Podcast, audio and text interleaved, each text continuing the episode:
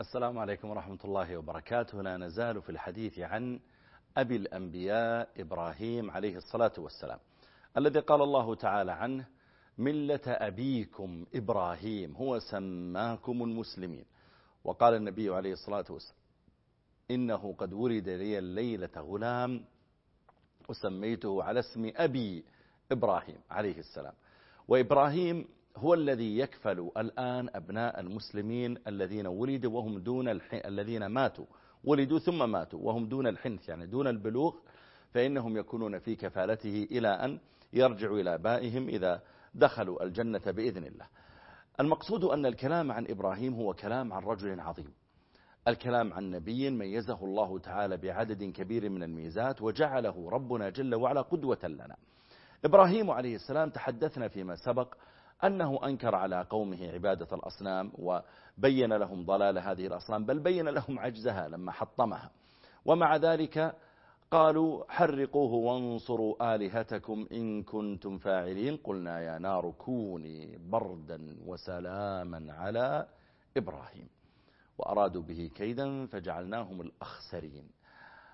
إبراهيم لما رأى أن قومه ردوه ومارس معهم جميع أنواع الدعوة ومع ذلك ردوه وقال إني مهاجر إلى ربي إنه هو العزيز الحكيم.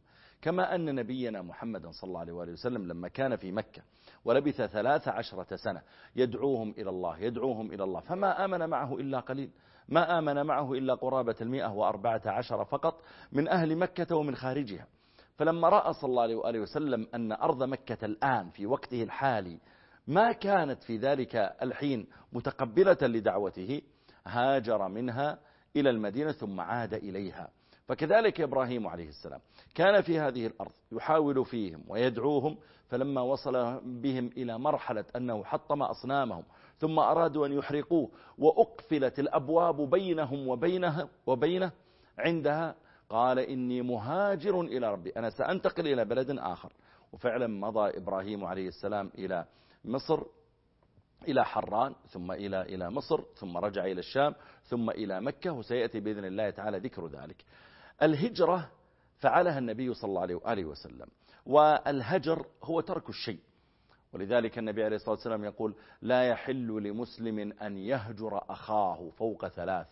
يلتقيان فيعرض هذا ويعرض هذا وخيرهما الذي يبدأ بالسلام. وخيرهما الذي يبدأ بالسلام. ولذلك كان رسول الله صلى الله عليه وسلم ينهى عن هجر المسلم يعني عن تركه. أن تتركه أن تفارقه فوق ثلاثة أيام. يعني إلا إذا كانت المشكلة أعظم من ذلك وتحتاج إلى هجر هذا موضوع آخر كما وقع المخلفين الثلاثة في غزوة تبوك. لكن الأصل إذا بين إنسان وبين آخر مشكلة أو شيء في النفس فغاضبه يوما أو يومين لا يحل أن يستمر ذلك فوق ثلاثة أيام. فالهجرة هي هذا وهو ترك الشيء.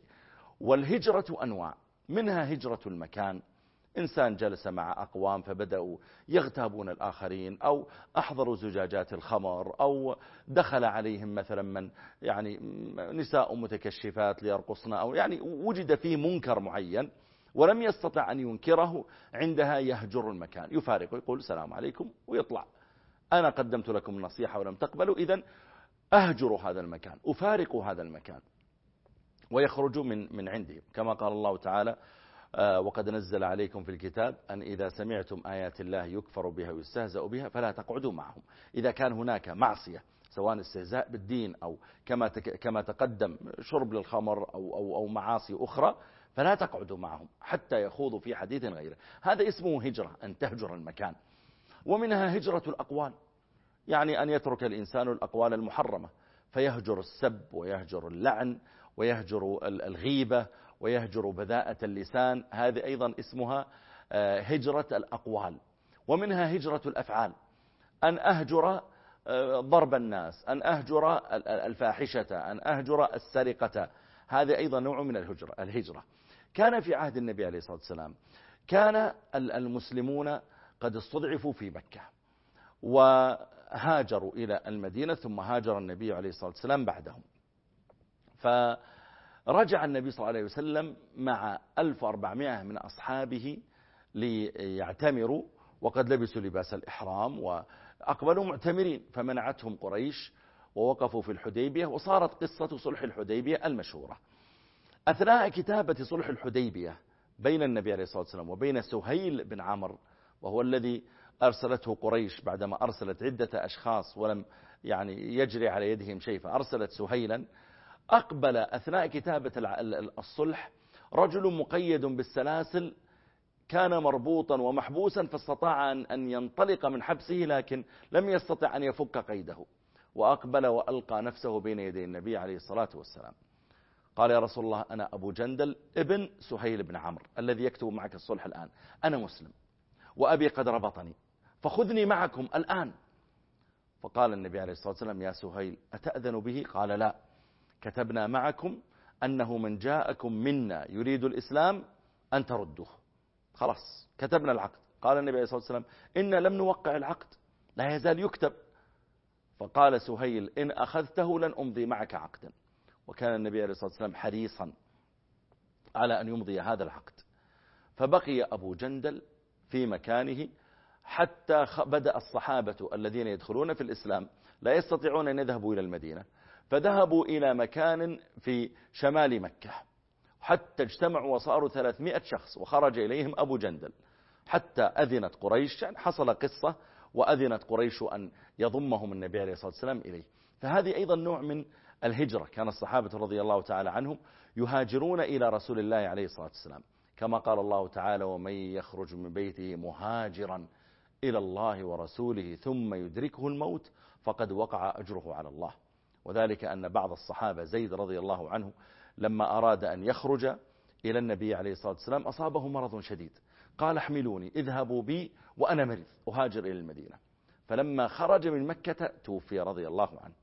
هذه أنواع من الهجرة وقد فعلها إبراهيم عليه السلام وقال الله تعالى فيه إني مهاجر إلى ربي إنه هو العزيز الحكيم.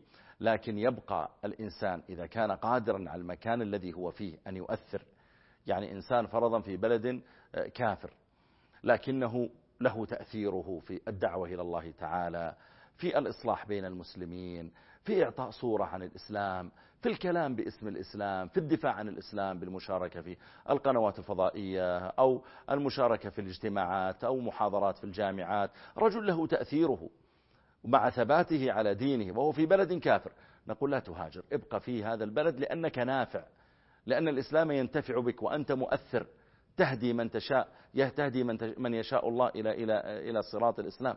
أما إذا كان الإنسان يفتن في دينه ولا يستطيع أن يثبت عليه ويضيق عليه ولا يستطيع أن يصلي ولا أن يقيم شعائره وهو يستطيع أن يهاجر إلى بلد مسلم فقد تقدم معنا أنه ينبغي له أن يهاجر إلى البلد الذي يستطيع فيه أن يقيم شعائره.